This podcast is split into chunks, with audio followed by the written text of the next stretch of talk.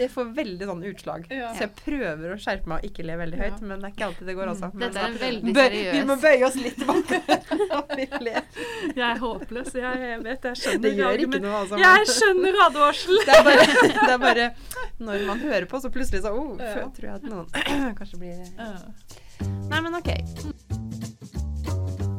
Norskpraten. En pod for oss som elsker norskfaget. Med Maja Mikkelsen og Stine Brynildsen. Velkommen til Norskpraten sesong fire, sjette episode. Mhm. Og vi eh, er inne på et område som vi ikke har dekket eh, denne sesongen. Nei. Eh, og det er digital studieteknikk. Digital studieteknikk er tema. Og vi har jo med oss en gjest da, Cecilie. Yes. Som vanlig. Som det, er, det er en gjest som jeg kjenner ganske godt, men jeg vet ikke, hva Kjenner du eh, vedkommende? Jeg møtte gjesten vår første gang i fjor høst, faktisk, på et eh, sertifiseringskurs. Ja. Eh, så vi var i Stavanger sammen i fjor. Eh, Marianne Hagelia, velkommen til oss. Du er altså høyskolelektor her ved Høgskolen i Østfold. Stemmer det. Eh, hva driver du med her? Ja, det var et godt spørsmål. Oi, oi, oi. Uh, nei, jeg har uh, GLU-studentene, altså grunnskolelærerstudentene. Um, og der driver vi og prøver å finne ut av hva vi skal bruke den IKT-en til da, i klasserommet. Og det er jo sånn jeg kjenner deg godt òg, fordi vi jobber jo i det som heter Institutt for pedagogikk, IKT og læring. Eh, og i det som nå heter Fagmiljø for IKT og læring, som før var Seksjon for IKT og læring. Så jeg kjenner jo deg eh, Vi har jo vært kollegaer i ja, hva er det, to år kanskje? To, to To-tre år? Ja, noe Ja. sånt. Eh, vi er jo ikke sånn veldig garva i, på høyskolen, eh, noen av oss, men du har jo jobba i, eh, i høyskole og skolesystemet egentlig i mange, mange år, hele livet. Hele livet, Ja. siden 1997. Ja. Men jeg begynte jo med EDB i 1987, Med da. EDB, faktisk. Ja, fordi ikke sant, 87, da EDB, da er jeg ute og kjører. Ja. Men eh, jeg skjønner at det dreier seg om nettundervisning, og det har du fortsatt med. Det Du jeg. driver med e-læring og MOOC. Hva er MOOC? Det er Massive Online Open Online Course. Mm. Ja. Eh, og det betyr jo at det er mange som tar en åpen nettstudie bare på nett, så det ikke er samlinger eller noen ting. Og du kan ta det sånn i utgangspunktet skal du kunne ta det når det passer deg. Mm. Uh, vi har en litt sånn redigert utgave her hos oss. Den er Ja. ikke så massiv, da. Nei, altså i norsk sammenheng så er den jo ganske massiv. Vi har en MOOC som heter IKT for lærere med rundt 300-400 studenter ish. Og så har vi jo også andre MOOC-er, bl.a. en barnehage-MOOC som du har vært med å Mhm. jobbe med. Så det å, å lære i digitale omgivelser er jo noe vi jobber mye med. Men så er du jo i tillegg, som du nevnte, opptatt av studenter altså på Mm. campus. Mm. Og du er vel også med på um, etter- og videreutdanning, altså Dekomp-oppdrag eh, Mye for etter- høyskolen. Jeg reiser mye rundt også. for Mm. mye oppdrag. Um, Mm. Ja. Ja, det gjør du også. Og du er egentlig veldig aktiv dame. Det, det, det tok meg liksom ikke mer enn en måned å skjønne, eller en uke kanskje. Du driver med mye. Du, du skriver, du holder jo på også med en doktorgrad. Jeg vet ikke om du vil si litt grann om det? ja da. Jeg er en eh, som mange andre som har fått den i retur, så jeg satt og sutra i to måneder, eh, januar og februar, og så begynte jeg på nytt, og da bare kasta jeg alt jeg hadde, og har skrevet hele avhandlingen helt på nytt. Og da ser du på Jeg ser på eh, de unge guttene som driver og programmerer. Altså ikke gamer, men de har gjerne starta med gaming, så jeg kaller dem for avanserende gamere. De går fra gaming, så begynner de med modde og fikse bugs. Altså utvider og fikser spill. Eh, Og da oppdager de koding.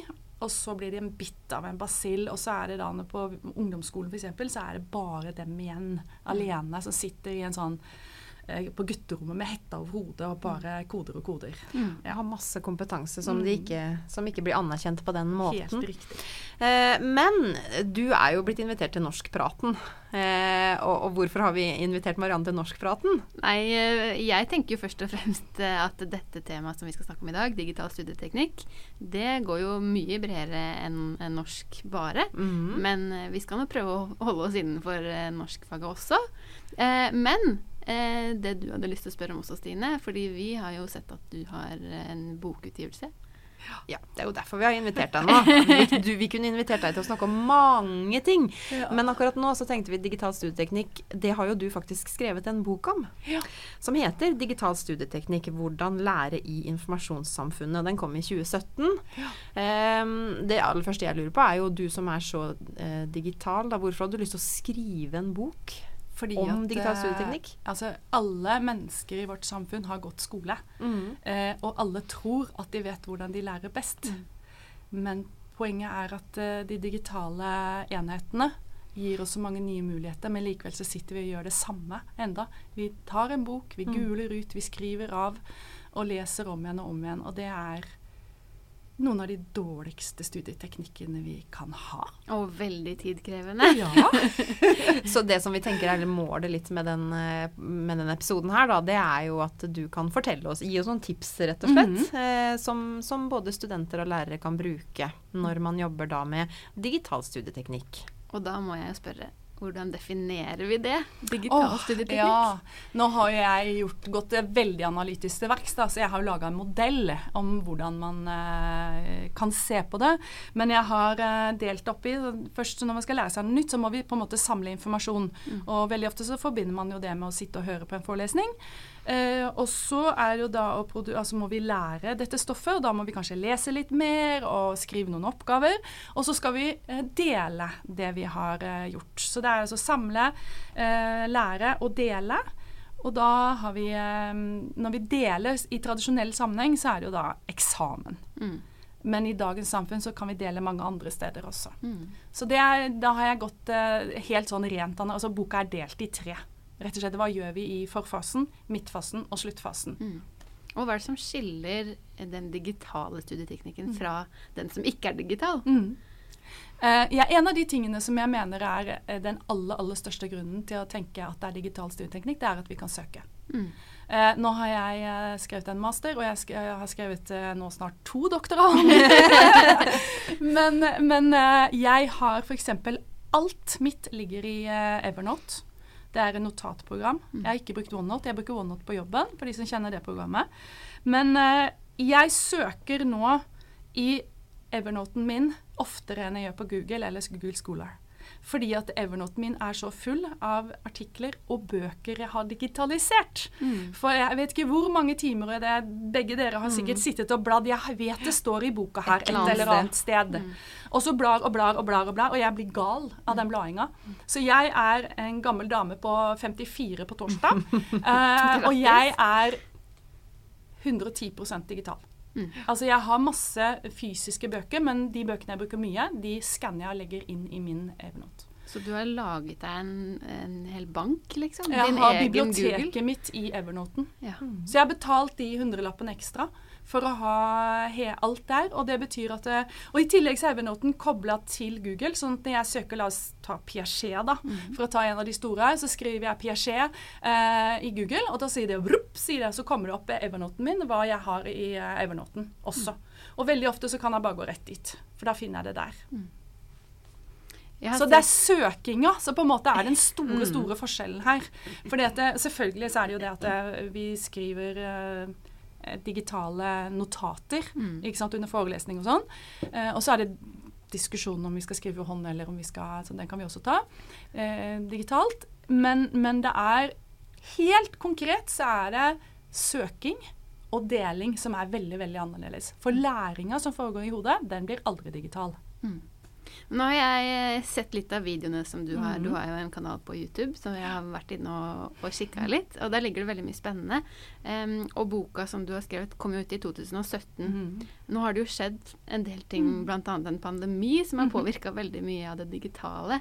Uh, og nettbrett, eller sånne eh, skrivebrett, er jo noe av det som har kommet litt sånn mer og mer i de siste åra. Remarkable, for eksempel. Ja, Mm. Den har jeg, men jeg sliter med å skjønne hvordan jeg skal bruke den på en fornuftig måte sammen med de andre tingene. Ja. Jeg har også hatt en Remarkable i halvannet år og prøvde å bruke den. Eh, For det første så er ikke jeg noe glad i å skrive for hånd. Mm. Eh, Så jeg har jo selvfølgelig da kasta meg inn i denne her eh, diskusjonen Mm. om man lærer mer av å skrive for hånd eller å skrive på tastatur. Det er uh, ikke så enkelt som det høres ut til i overskriftene på VG. uh, men jeg fikk heller ikke den til å funke. Men jeg tror det handler om at vi er forskjellige alle sammen. Eh, vi hadde jo for noen år siden veldig sånn Da var det sånn læringsstiler, ikke sant. At noen var auditive, og noen var ditt og ikke sant. Men eh, så enkelt er det heller ikke. Men, men vi har noen preferanser. Eh, og jeg vet at sønnen min, han, han ønsker å høre. Han, han husker veldig godt. Mm. Dattera mi klarer ikke å huske. Hun må øh, synge, danse for å klare liksom huske ting på en helt annen måte. Jeg er visuell.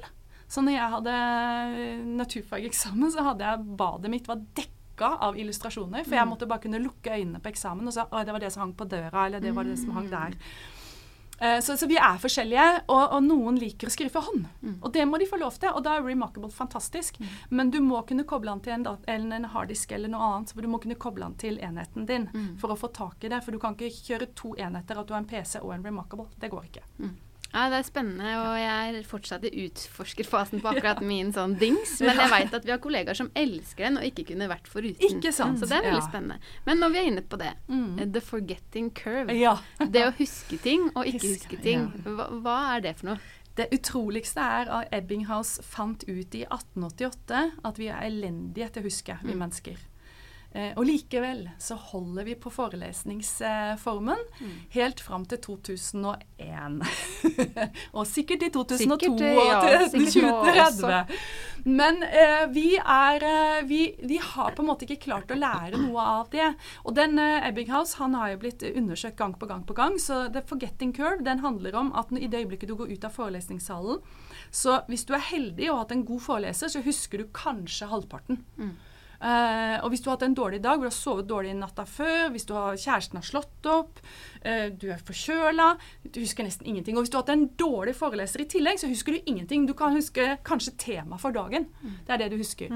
Men ikke sant, også 20 minutter etter forelesningen har gått, så har, husker du enda mindre. Og det er til at, en av grunnene til at jeg skrev boka. Fordi at eh, studentene bruker så mye tid på å sitte på forelesninger, og det er for veldig mange studenter bortkasta tid. Man må velge ut hvilke forelesninger man skal gå på. Selvfølgelig Noen er jo obligatoriske, så må man jo gå. Men så må man gjøre det beste ut av det når man er der. Så hvis du liker å skrive for hånd, f.eks. på en Remarkable, så gjør gjerne det. Men dette manuset som du da har skrevet, kladden, det må renskrives så fort som mulig etter forelesningen. Fordi at hodet vårt er sånn at vi putter ting inn i korttidsminnet. Og så skal det videre inn i langtidsminnet. Det er jo det som er målet for at vi skulle kunne hente det opp igjen i mai når vi har eksamen. Men det skjer ikke ved å gå på én forelesning, og så drar du på kafé, og så har du ny forelesning neste uke, og så var det Å ja, shit, hva var det vi hadde forrige uke? Ikke sant? Og det er det de fleste studentene Det er det livet de fleste studentene lever. Så hvis du skal ha A i alle fag, som du liksom drømmen er for mange, så må du rett og slett bare skrive om eh, papiret ditt. Hvis du skriver på papir eller på Remarkable, få det inn i Evernote eller OneNote, sånn at du kan søke det opp i etterkant.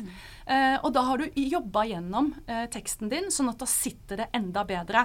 Og hvis du da er kjempesmart og tenker ok, hva er annet har jeg lært som handler om det, og så ta inn refleksjoner underveis i notatet ditt, så er det supersmart. Og her tenker jeg jo også at digitale verktøy kan hjelpe oss um, eller hjelpe studenter, da. fordi det, det, det det handler om er jo egentlig å prosessere og anvende det du har hørt, ikke sant. Og bruke det flere ganger og repetere det.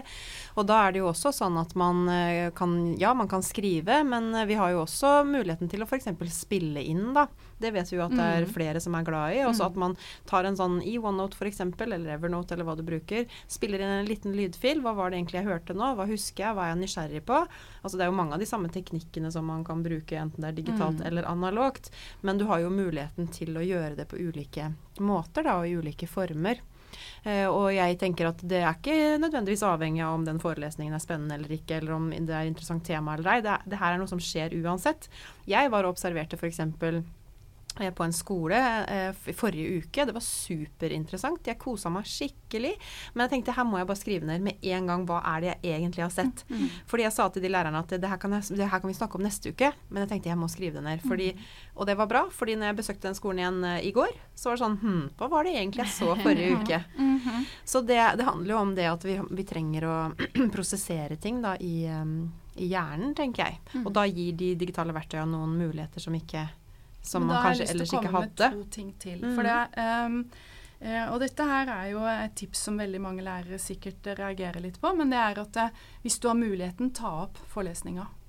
Dette er et møte, det er offentlig eh, sted. En forelesning er normalt sett å regne som et offentlig sted. Hvis vi snakker høyskole og universiteter, da Ja. Mm. Helt riktig. Og så er det i tillegg så er det at er du med på møtet, så har du lov å ta det opp til privat bruk. Mm. Det er kjempeviktig. Du har ikke lov å dele det med studenten som forsov seg. Det er faktisk ikke lov. Eh, så, men men ha, eh, spesielt for dyslektikere så er det kjempeviktig å ta opp. Uh, og veldig ofte så holder det med lyden. Du trenger jo ikke, for du får utlevert veldig ofte Mm. PowerPoint eller whatever. Uh, en annen ting er jo at det er veldig mange studenter sitter og leser og leser og leser. Om igjen og om igjen og om igjen. Det som er veldig overraskende, det er at studenten tenker ikke over at eh, når du leser en tekst kanskje tre ganger, så gjenkjenner du neste gang du leser Ja, stemmer det. Ja, nå kan jeg det. Så tenker du at nå kan jeg det. Nå har jeg lest det tre ganger, så nå kan jeg det. Men det du kan, det er egentlig bare den teksten som står der. For du har egentlig ikke diskutert teksten med deg selv. Nei. Eh, Så dette, hvis du leser teksten én gang, og mens du leser den, så kan du skrive ned spørsmål. Hva, eh, liksom, hva betyr det begrepet? Hva betyr det begrepet? Hva skjedde da? Og så videre. Sånne spørsmål. Og så neste gang så ser du bare på spørsmålet, ikke leser teksten. For da er du nødt til å rope rote rundt i hodet. Hva var det jeg egentlig leste nå? Og så kobler du sammen, og så reflekterer du, og da flytter du det inn i langtidsminnet. Så det å sitte og lese en tekst tre ganger, da får du, og dette er gjort undersøkelse på, da gjør du det dårligere enn den som sitter og leser teksten én gang, lager seg spørsmål eller diskuterer. Det kan like gjerne diskutere med noen kompiser. Eh, Hva er det vi faktisk har lest? Mm. De gjør det bedre på testen. Faktisk. Ja, og du har snakket om noe annet som jeg ikke hadde hørt om før. PLN. PLN. Per personlig digitalt læringsnettverk. Ja. Og det, det handler om at vi mennesker er sosiale dyr. Vi er alltid, altså Hvis du skal bake en kake, mm. og du er ikke så god på det, så ringer du mamma. Mm. Ikke sant? Eh, hvis det er noe du lurer på noe teknisk, så var det i hvert fall i gamle dager så spurte jeg pappa. Mm. Ikke sant? Så vi har jo vårt læringsnettverk rett i nærheten. Men i dag så er det sånn at jeg har fått svar fra, fra statsministeren.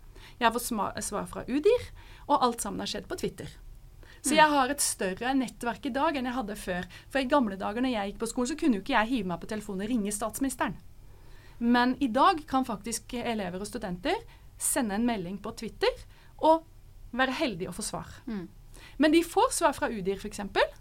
Og de får svar fra forfattere og, og andre som kan svare. For eksempel en, hvis du spør et eller annet ju, juridisk spørsmål, så vil du få svar på Twitter. Du kan gå inn i eh, Facebook og de, delta i uh, grupper der. Da har du et personlig læringsnettverk der. Men det som er viktig, er at personlige læringsnettverk de bytter de, de forandrer seg i forhold til hva du jobber med. Så hvis du har en PED-oppgave du jobber med, så er det noen andre du spør enn mamma. Mm. Ja. Sånn at du vil alltid, Men du har alltid en slags kjerne rundt deg. Eh, og særlig studenter her som går på lærerutdanningen, de har jo sin kjerne. Men de vil alltid kjenne noen som kan noe.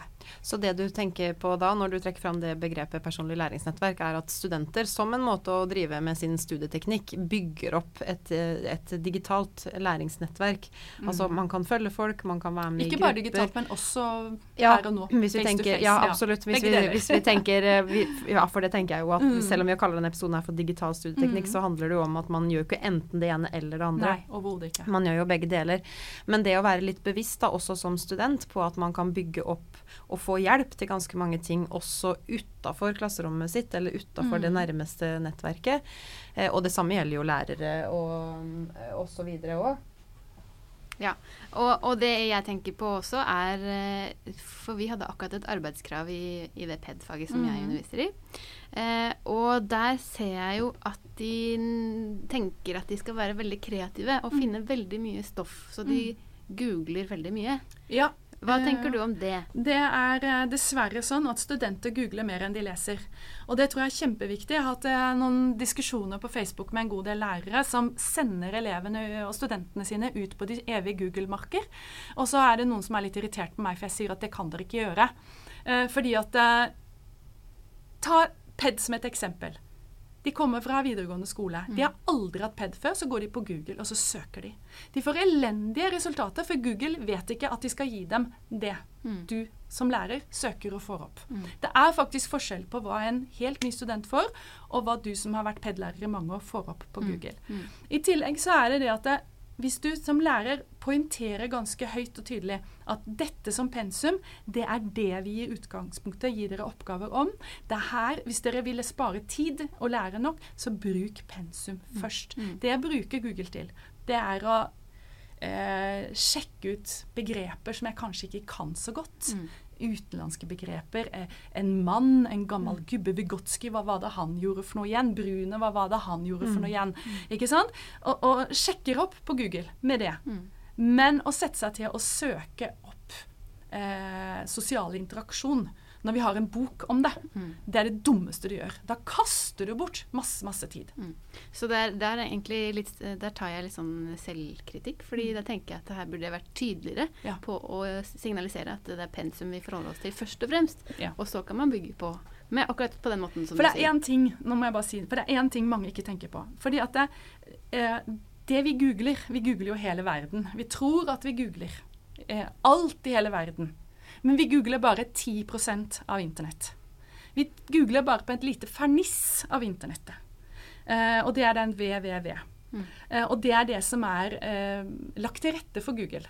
Men hvis du f.eks. søker etter boka mi, så vil du aldri finne ut av hvilken eh, bokhylle den ligger i på biblioteket. Fordi at det er en database. Så det at hvis ikke databasen er tilrettelagt for Google, så vil du ikke finne noen ting der. Så derfor går man på Google Scholar og leter der, og så går man på biblioteket sine databaser og leter der. Fordi at du vil aldri finne Og det samme er regjeringen. Det er bare noen dokumenter på regjeringen og UDIR som er lagt til rette for å google. Hvis du skal høre hva som skjedde på Stortinget, lese hva som skjedde på Stortinget forrige uke, så vil ikke du finne det på Google. Da må du gå til regjeringen.no eller til udir.no og så søke der. Mm. Spennende. Mm. Da har man liksom åpna opp for en ny verden for mange. Mm. Eh, du var inne på i stad, eh, og dette syns jeg er eh, veldig spennende.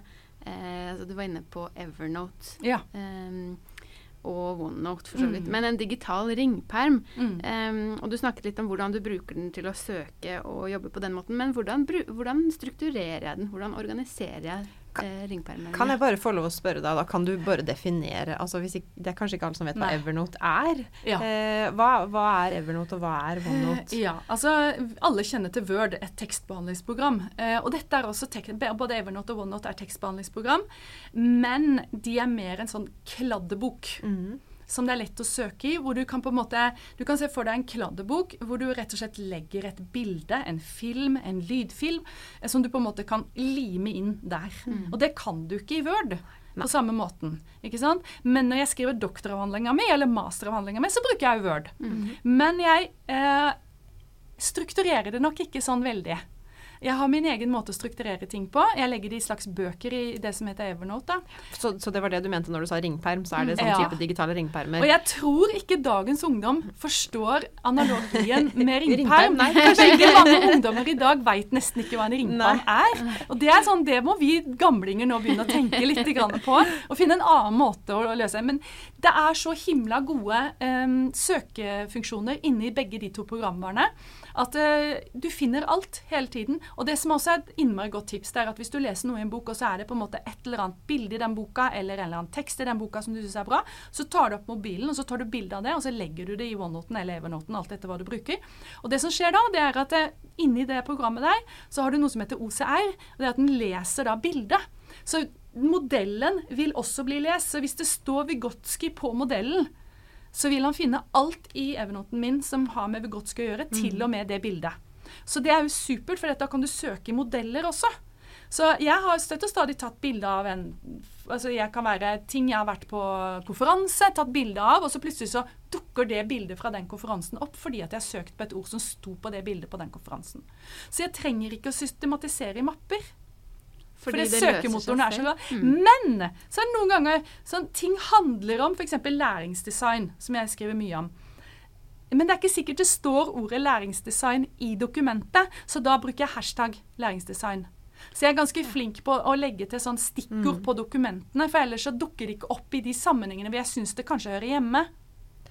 Så det som jeg hører egentlig du, du, sier nå, både det du sier om Google, og det du sier om Evernote og OneNote og om filer, og vi har jo diskutert det her mye, så jeg vet at du er enig i det, i det jeg skal si nå, men det å ha god søkekompetanse, det er egentlig en sånn grunnstein mm. i digital studieteknikk. Det er det å samle, systematisere. Men det nytter ikke på en måte å samle og systematisere altså uten å ha gode søkefunksjoner og gode søkekunnskaper mm. eller kompetanse om mm. det å søke. Og det gjelder på egen maskin, og det gjelder på internett. Mm. Uh, og det veldig mange lærere glemmer, det er at uh, informasjonskompetanse er fagavhengig. Så det at det, kan, vi kan ta den morsomme kateter, sykepleier, lærer. Det gir to forskjellige assosiasjoner. Mm. Å putte et lærerkateter inn i en person, det går ikke. Nei. Nei. Så et ord kan ha forskjellig betydning eh, i forskjellige fag. Og alle fag har forskjellige eh, startpunkter, og alle har, har forskjellige typer nettsteder. Som de, sånn som I religion så har vi kanskje noen gode nettsteder på UiO kanskje vi bruker ikke sant, som veldig bra steder å søke etter informasjon. Mens i historie har vi andre steder, ikke sant? og mm. matematikk har vi andre steder enn. Så det der med å lære studentene hvor finner du god informasjon, hvilke typer søkeord og synonymer. Mm. Og hvilke ord henger veldig ofte sammen. Bruner og scaffolding holder jo sammen, ikke sant? Så det er liksom Hva er det som henger sammen? Hvordan søker vi i dette faget? Det er et felt som er dessverre litt oversett mm. av lærere. Så man kan tenke seg at hvis man skal på en måte oppsummere eller samle sammen noen eh, gode tips til, eh, til studentene, da, så er det det som jeg har hørt, er nummer én lære seg å være veldig bevisst på gode søketeknikker. Mm. Um, nummer to anvende. Altså systematisere og anvende den kunnskapen du, du, har fått. Og da kan det være enten å, som med The Forgetting Curve, å skrive ned notater, eller å spille inn en, en liten lydfil. Eller det kan også være å legge til, altså som du sier i OneNote eller Evernote kan man jo bygge opp, legge til lenker, sette inn bilder, mm. altså at man bygger opp. Um, og så hva, var, hva, er det for noe mer, hvis vi skal ha et tredje tips? Nei, Det aller viktigste tipset mener jeg uansett, det er å diskutere med folk. Ja. For det har ingenting med digitalt å gjøre. Uh, vi, kan digital, altså vi, kan godt digitalisere diskusjonen. diskusjonen ja. At vi gjør det i en chat. Og det ser jeg ungdommen er veldig flinke til. At de diskuterer seg imellom. Hva var det egentlig læreren mente at vi skulle gjøre med denne oppgaven her? Mm. Også. For da har du det skriftlig, og det er superfint. Men når du har lest noe, så diskuterer du med noen. Det er, altså, det, det, er det viktigste du gjør når du mm. begynner på høyskole og universitet. Det er å skaffe deg en kollokviegruppe. Mm. Altså noen du kan diskutere fagene med. Mm. Fordi i det øyeblikket du har lest noe, diskuter det med noen. For når du diskuterer det, så skjer det læring mellom meg og deg. I det mellomrommet mellom meg og deg, det er da vi lærer. For vi lærer ingenting av å sitte og lese boka aleine. Ja, du har en slags samtale med, med forfatteren, men samtidig så får du ikke Du får en ensidig samtale. Mm. Og der tenker jeg i hvert fall det her med å tenke analogt og digitalt er, er kjempeviktig. Fordi eh, vi, eh, vi, har jo diskutert mye hvordan får vi våre helt nettbaserte studenter våre, i MOOC-ene mm. våre da for eksempel, til å faktisk samarbeide og anvende den kunnskapen som de har. Så vi har jo bl.a. du og jeg har jo utvikla Den går ikke lenger nå, den MOOC-en, men det var jo en muk for norsk- og engelsklærere på videregående skole der vi hadde obligatoriske Teams-kollokviegrupper. Mm. Mm. Altså heldigitale kollokviegrupper. Mm som vi fikk veldig gode tilbakemeldinger på i evalueringene, fordi at uh, studentene opplevde at det var veldig nyttig. da. Mm. Fordi man har noen å stille spørsmål til. Mm. Og mye av den kommunikasjonen foregikk jo digitalt, eller all, all, kommunikasjon foregikk digitalt, men noe muntlig og noe skriftlig. Altså gjennom videomøter ja. eller gjennom uh, å skrive. En annen ting også som er kjempesmart, hvis det sitter noen lærere og hører på, det er at uh, jeg gir alltid obligatoriske oppgaver å diskutere i forumene. altså I høyskolesystemet så har vi jo veldig ofte Canvas. Så mine studenter har obligatorisk godkjent, ikke godkjent, at de skal inn i eh, og diskutere et eller annet. Så akkurat nå så holder eh, mine GLU-studenter på å diskutere, og de skal hente De skal diskutere hva er det smarteste de mener i forhold til digital mobbing man kan gjøre. Og så skal alle sammen levere minst én lenke til et sted ute på nettet som handler om digital mobbing. Mm. Og de må ha lest seg gjennom. Så da får du den der aktiviteten. Og da kan jeg også gå inn der og se hva har skjedd siden forrige gang. Og så når jeg da har det neste gang, så kan jeg diskutere det som står i forumet. Så, så det der å, å, bruke forumet som en obligatorisk på en måte eh, refleksjonssted er kjempeviktig. Mm. Tror jeg. For der får du også mange tips og ideer som lærer. For jeg vil jo også lære. Jeg klarer ikke å holde orden på hva er det som stadig vekk kommer der ute av nyttig informasjon. Og studentene er jo da dine spioner. Let, går ut og leiter etter nye ting. Og jeg har funnet så mange bra steder å leite etter mer informasjon, nettopp fordi at jeg ba studentene om å gjøre det. Mm. Og det er spennende. Mm. Eh, nå har vi jo vært innom veldig mange aspekter og liksom tekniske ting, hvordan gjøre ting. Men eh, jeg er litt nysgjerrig på hva du tenker om eh, skolestart. Eh, sånn du, du, møter opp eh, enten du går på videregående eller eh, ungdomsskole eller høyskole, universitet. Møter opp i august eller januar, og så veit du at det ligger en eksamen der fremme. Hvordan legger man liksom opp Eh, fordi eh, høyskolelektor høyskolelektorer og lærere de kan alltid si det er lurt å gjøre sånn og sånn, ja. men så vet vi jo at ikke alle gjør det. Men hvordan Det smarteste du gjør, er å tenke at eh, eh Jeg pleier å si det sånn, og da husker studentene det, det er utrolig mye du kan lære deg mens potetene koker. Mm. Eh, jeg har jo vært småbarnsmamma. Tok master ved siden av full jobb. og da måtte jeg bruke øyeblikkene. Så når guttungen lekte på lekeplassen, så sto jeg med småting i hånda. Ikke det at man skal drive med på telefonen hele tiden, men liksom, jeg hadde noe som jeg kunne kikke på hvis han var veldig opptatt av noe. Og, og det å kunne se på en tekst, og så bare la den ligge i hodet, eller lese de, det kvarteret du har da med, mens potetene koker, det er mye viktigere enn å utsette all lesingen til fredag, for mm. da skal du ha en hel lesedag. Yes. Og det er det dummeste du gjør. Så hvis du klarer å kikke på uh, pensum støtt og stadig litt innimellom, så vil det hjelpe deg bedre til eksamen enn å la lage sånne lange lesedager. For har du lange lesedager, så blir du sliten. Og så husker du ikke alt likevel. Og så Det tar for lang tid mellom hver gang også. Mm. Så det er det beste tipset. Det jeg tenker Oi, unnskyld. Det jeg tenker òg er Det er egentlig to ting på litt sånn metaperspektiv. Da. Det ene jeg tenker er når du starter et nytt sted, enten du begynner Det er selvfølgelig lettere å reflektere over det her jo eldre du blir, men det ene er på en måte uh, hvordan har jeg pleid å gjøre ting? Hva har fungert, og hva har ikke fungert før? Uh, hva er liksom ønsket mitt? Hvis jeg vet at jeg, jeg, blir forferdelig sliten av de der lange lesedagene, ok, hva, hva gjør jeg med det? Jeg klarer aldri å finne fram de notatene jeg har skrevet. Ok, hva gjør jeg med det da? Så det å liksom sette seg ned og, og, faktisk tenke på det, og det er også mitt neste mm, beste tips, da, er bevisstheten. Mm. Altså hvorfor skal jeg være opptatt av digital studieteknikk? Hva er det det kan gi meg? Hva, det, mm. hvilke, hvilke, uh, hva kan det gjøre da med måten jeg lærer på og studerer på? Det med digital uh, mindmap, altså tankekart, er noe jeg bruker mye, men jeg vet at noen mennesker har ikke det hodet. Og det må jo lærere legge seg litt på minnet også, at det, de kan ikke tvinge en hel klasse til med mindmapping. For noen har faktisk ikke hodet til det. Det er dokumentert at det er en liten gruppe mennesker som ikke takler det. Men de aller, aller fleste eh, har veldig mye igjen for det. Og, i de digitale de kan du skifte og dra akkurat som du vil, og du kan putte inn bilder, modeller osv. Så, videre. så det å starte alle oppgaver som du skal skrive med et tankekart eller en mm. tidslinje.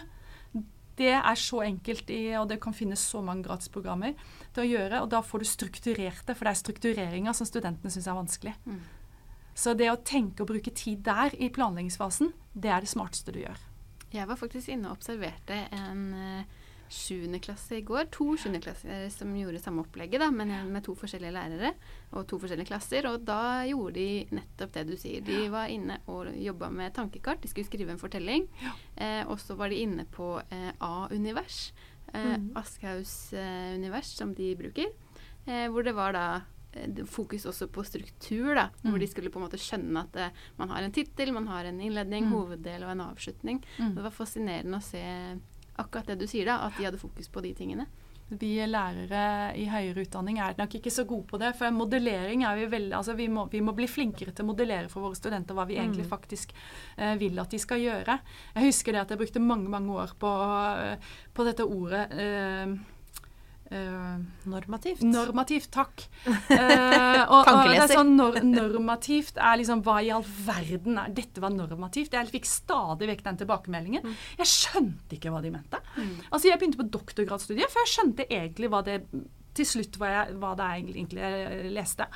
Uh, og da tenkte jeg neimen kjære Hvorfor har ingen forklart meg dette før? Mm. Det står 'Dette er normativ'. Ja ja, øh, OK, hva betyr det? Mm. Altså, hva er det du faktisk vil at studentene skal levere? Ja, men så vis dem det, da. For det at gjett hva læreren tenker. Ja. Det er en uh, lek som studentene bedriver nesten hver dag. Mm. For lærerne tror at vi eh, studentene, Vi tror at studentene skjønner hva vi mener, men de gjør ikke det.